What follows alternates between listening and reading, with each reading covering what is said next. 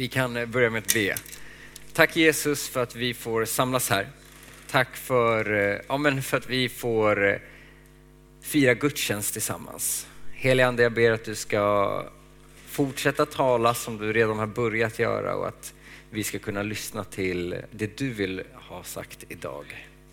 Amen. När jag gick i gymnasiet lärde jag känna två av mina vänner. Eh, vi håller dem anonyma, men om ni träffar dem någon gång kommer ni eh, se vilka de är, för de är väldigt, väldigt långa. Eh, den ena, när vi började gymnasiet, var ungefär 1,97 tror jag. Och den andra var 1,99. Ni förstår att vi vet det på detalj för att i gymnasiet var det här viktigt. Vem var längst? Så att eh, i början där, de första veckorna när vi lärde känna varandra så stod de och jämförde varandra och såg vem som var längst och till slut så förstod vi att det var en av dem.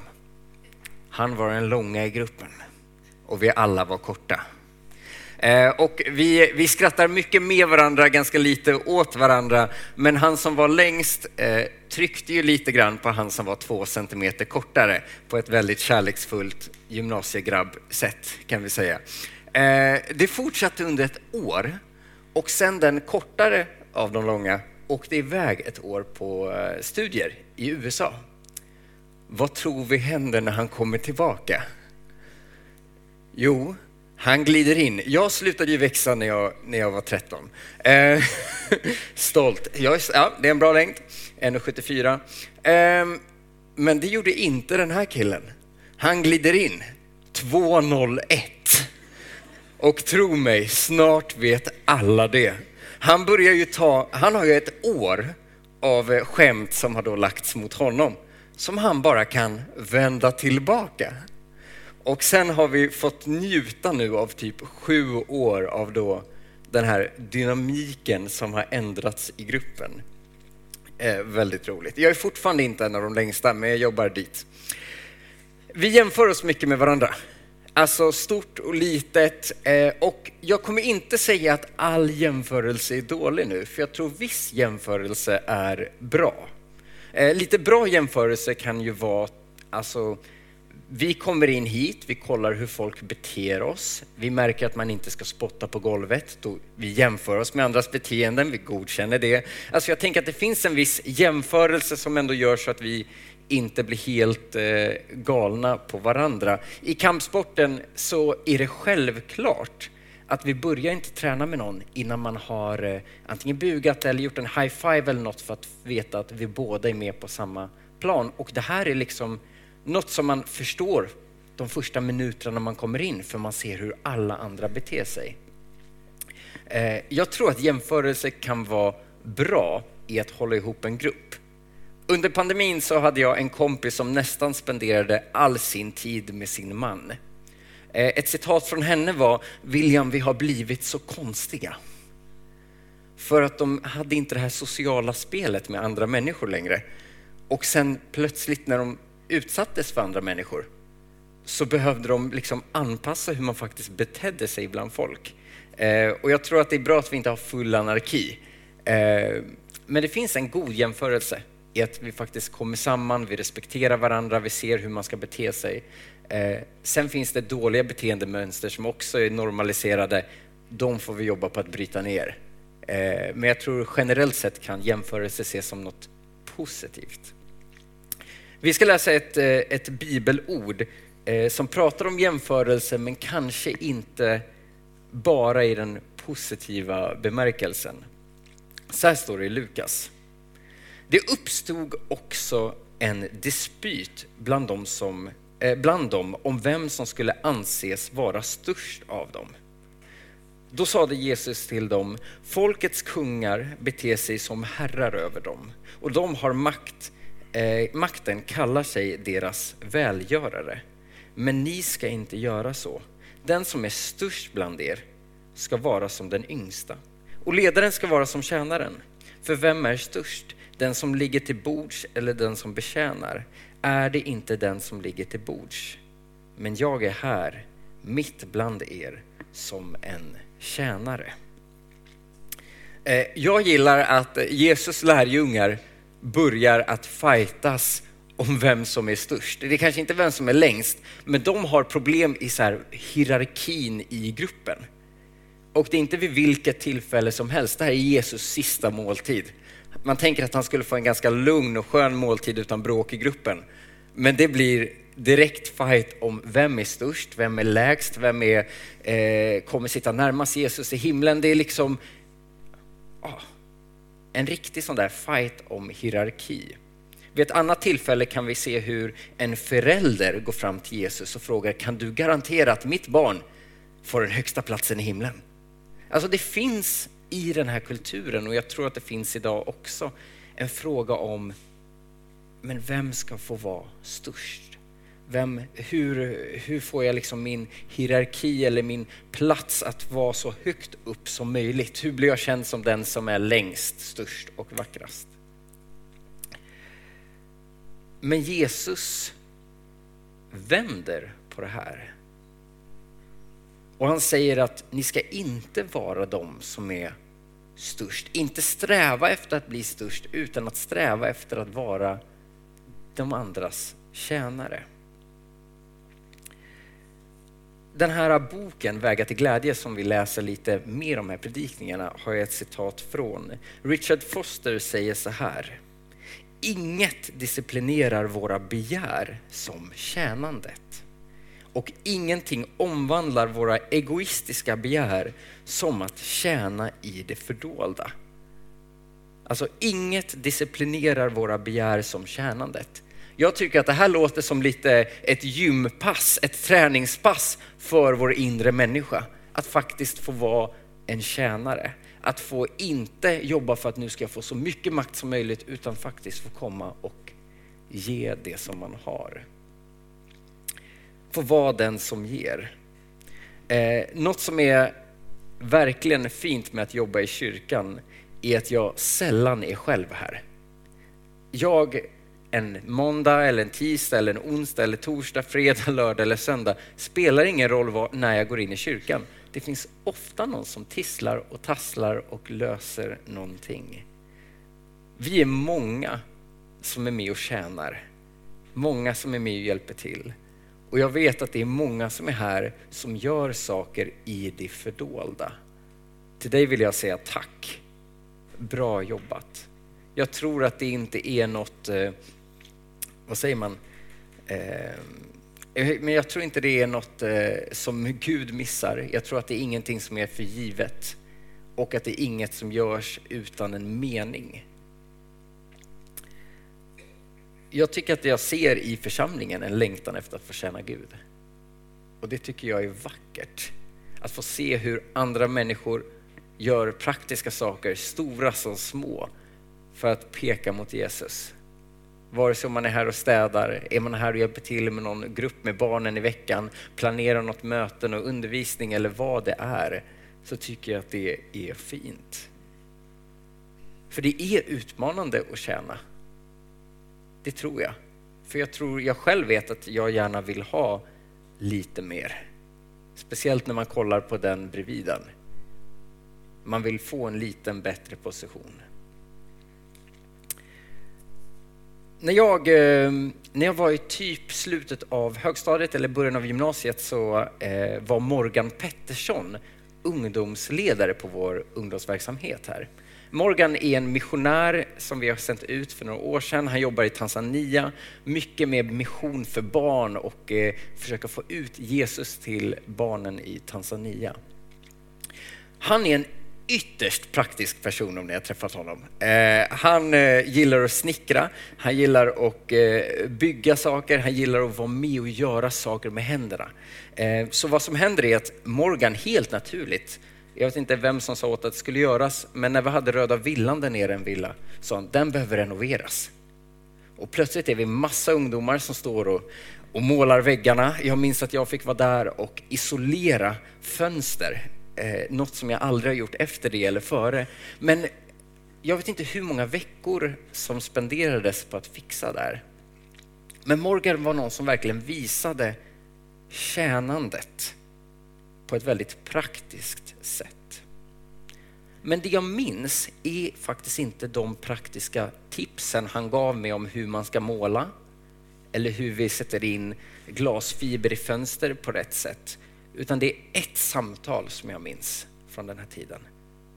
Han skjutsade hem mig, vi åkte bil och på några minuter så berättar han om varför han tjänar. På några minuter så berättar han om lite principer han har för hur han tänker att han vill leva sitt liv som lärjunge till Jesus. Och de sekunderna fastnar i mitt huvud och jag går tillbaka till dem fortfarande. Och jag försöker fundera på varför har det här fastnat så tydligt? Och jag tror att det är för att jag fick se hans tjänande. Och sen när han fick berätta om det så var det som, ja men nu förstår jag. Jag har fått vandra bredvid och plötsligt klickar.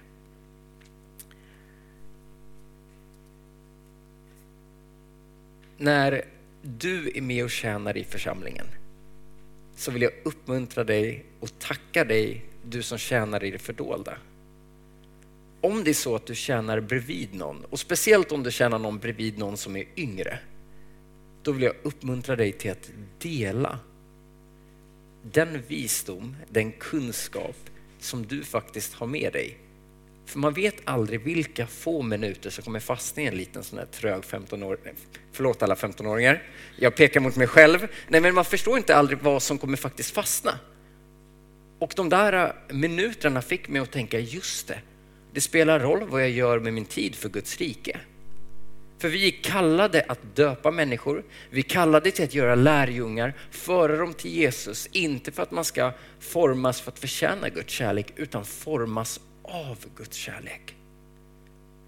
Och den där lilla stunden med Morgan fick mig att förstå, aha, det spelar roll vad jag gör med min tid. Så tack till dig som är med och tjänar. Och är det så att du tjänar med någon, om en delar med dig av det som du har, ditt vittnesbörd, för jag tror att det gör skillnad. Och det är också bra att påminna sig själv om, vänta, varför har jag rodret så här? Ja, just det, det är ju för att målet är där.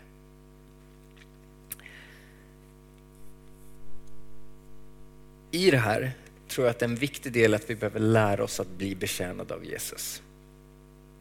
Jesus tvättade lärjungarnas fötter på sista måltiden. Eh, och vi kör den här berättelsen. Nu hoppas jag att min mamma, att det är rätt berättelse. Eh, du får säga om jag citerar fel. Eh, när jag var nere i, på Öland, är jag uppvuxen på en gård några veckor varje sommar. Gunnar och Birgitta, ett riktigt öländskt par. Eh, det fanns kor, det fanns strutsar. Det var liksom deras... Ja, ja just det. Ah, det var en strutsfarm. Eh, det var det var imponerande.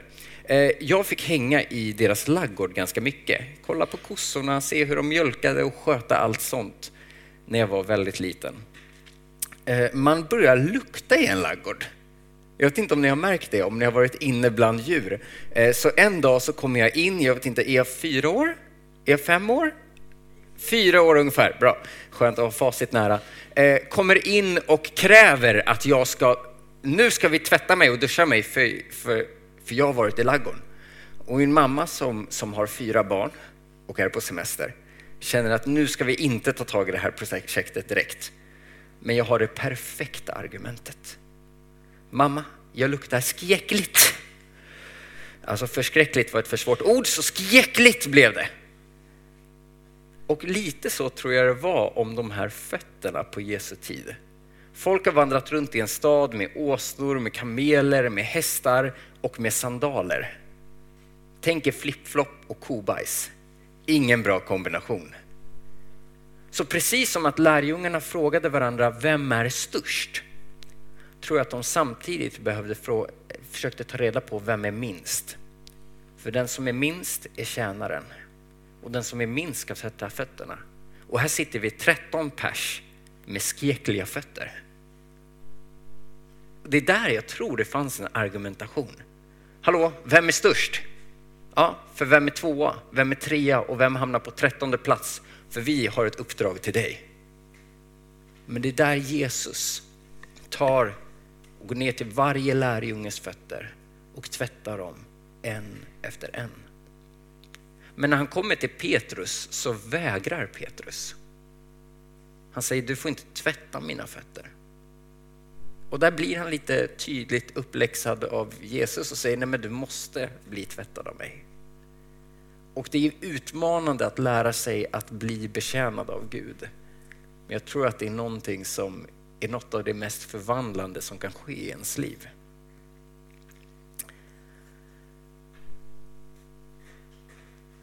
Jag tror att lärjungarna litade på vad Jesus sa för att de såg också vad han gjorde.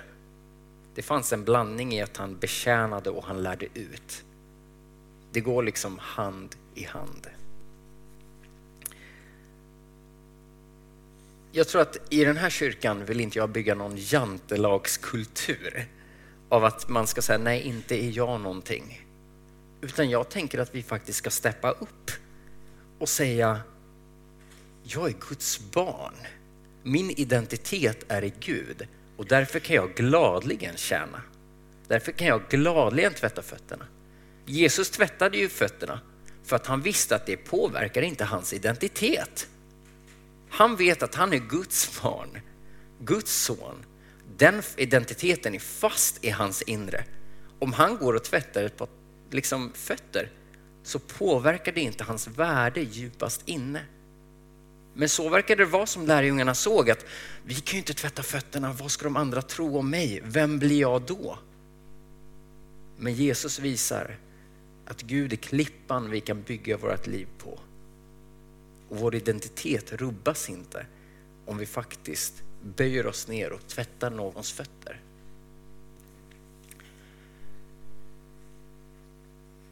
Vi är kallade att tjäna, inte för att vi inte är något värt, utan för att vi vet vad vi är värda. Gud sände sin en, enda son för vår skull, för din skull.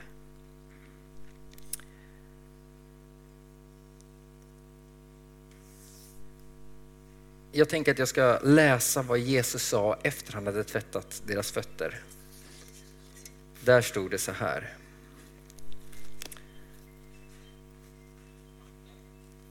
Jesus sa, när han sedan hade tvättat deras fötter och tagit på sig manteln och lagt sig till bords igen sade han till dem, förstår ni vad jag har gjort med er? Ni kallar mig mästare och herre och detta med rätta för det är jag. Och om nu jag, er herre och mästare, har tvättat era fötter, så är också ni skyldiga att tvätta varandras fötter. Jag har gett er ett exempel för att ni ska göra som jag har gjort mot er. Jag säger er sanningen, tjänaren är inte större än sin herre och budbäraren är inte större än den som har sänt honom. När ni vet detta, saliga är också ni om ni gör det. Alltså spännande att han säger, ni kallar mig herre och mästare. Och det gör ni rätt, för det är jag. Han har inte förlorat sin identitet för att han har tjänat. Det verkar som att han istället har funnit någonting och vill visa på det.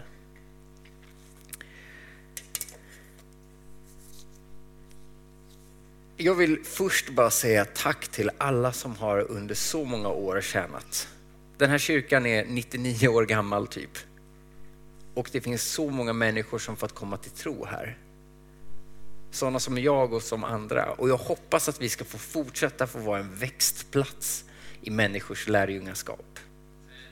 Och sen vill jag utmana att om det är så att du är med och tjänar och du tjänar med någon, dela med dig av den visdomen, den kunskapen, vad du tror att du ska säga vid det tillfället. Och om det är så att du tjänar i det fördolda, men kanske tänker att oh, det skulle behövas någon till här eller någon mer. Bjud med någon, vandra vid sidan om. Jag tror att Morgan fick mig att, jag blev ingen hantverkare. Det kan vi, kan vi absolut. Ni kan få se några projekt hemma hos mig, det blev inte jättebra. Jag blev ingen hantverkare av det, men jag blev en lärjunge. Och vi är inte här för att skapa ljudtekniker, folk som står i projen eller fikateam. Vi är här för att skapa lärjungar. Och det är liksom vårt yttersta kall som församling. Jag är taggad på nya kyrkan förresten. Jag tror det kommer vara en väldigt härlig chans att få fortsätta träna vårt lärjungaskap. Jag tror att det är starkt när just handling och ord går samman. Det tror jag är en viktig punkt framöver. Vi, vi går mot slutet av, eh, Eh, av den här predikan. Jag tänker att jag, jag ber en bön eh, och sen kommer vi gå in i sång och nattvard. Tack Jesus för att du är men du är kungars kung, du är herres herre och att din identitet inte ändras när du väljer att bli tjänare. När du kommer och bemöter, betjänar oss. Din identitet ändras inte när du dör på ett kors för våra synder. Din identitet ändras inte när du vänder dig mot oss och reser oss upp. Och tack för att vi är kallade att följa dig. Tack för att vi kan få bli dina barn Jesus. Tack Jesus för att vi kan få tjäna för att vi vet att vi är värda. Och inte för att vi ska förtjäna ett värde hos dig. Helige jag ber att du ska komma hit och göra ditt verk idag. Du ser vart det skaver och vart det känns bra. Kom med din frid, kom med din vägledning. Vi lägger den här stunden i, i dina händer Jesus. Amen.